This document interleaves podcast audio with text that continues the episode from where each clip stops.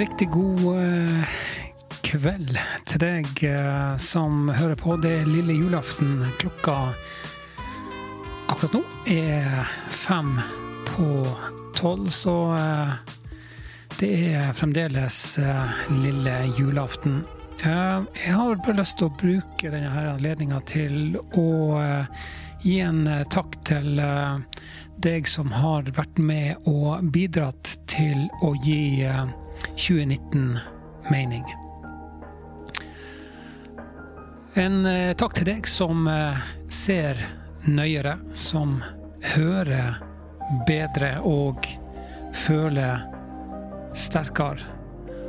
Og eh, til deg som bryr deg og involverer deg uten å forvente å få noe tilbake. Du som våger å tar eh, sats. Og en ekstra takk til deg som har feila og falt, men som har reist deg fortsatt og vunnet.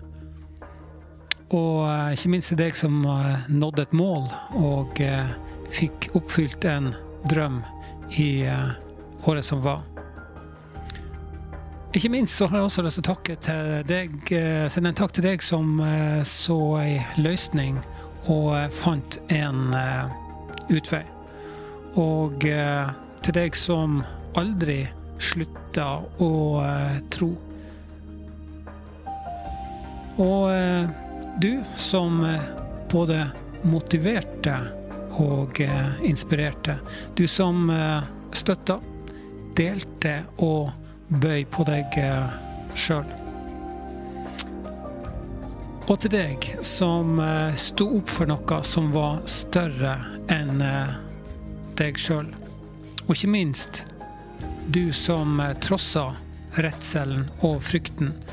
Du som våga å drømme. For jeg vet du er der. Jeg har nemlig sett deg. I eh, morgen er det julaften, og da tar jeg en pause, og så kommer jeg tilbake andre juledag. Og ikke minst for å forberede siste innspurt mot et helt nytt tiår. Og eh, 2020 er jeg rimelig sikker på kommer til å bli et veldig eh, bra år.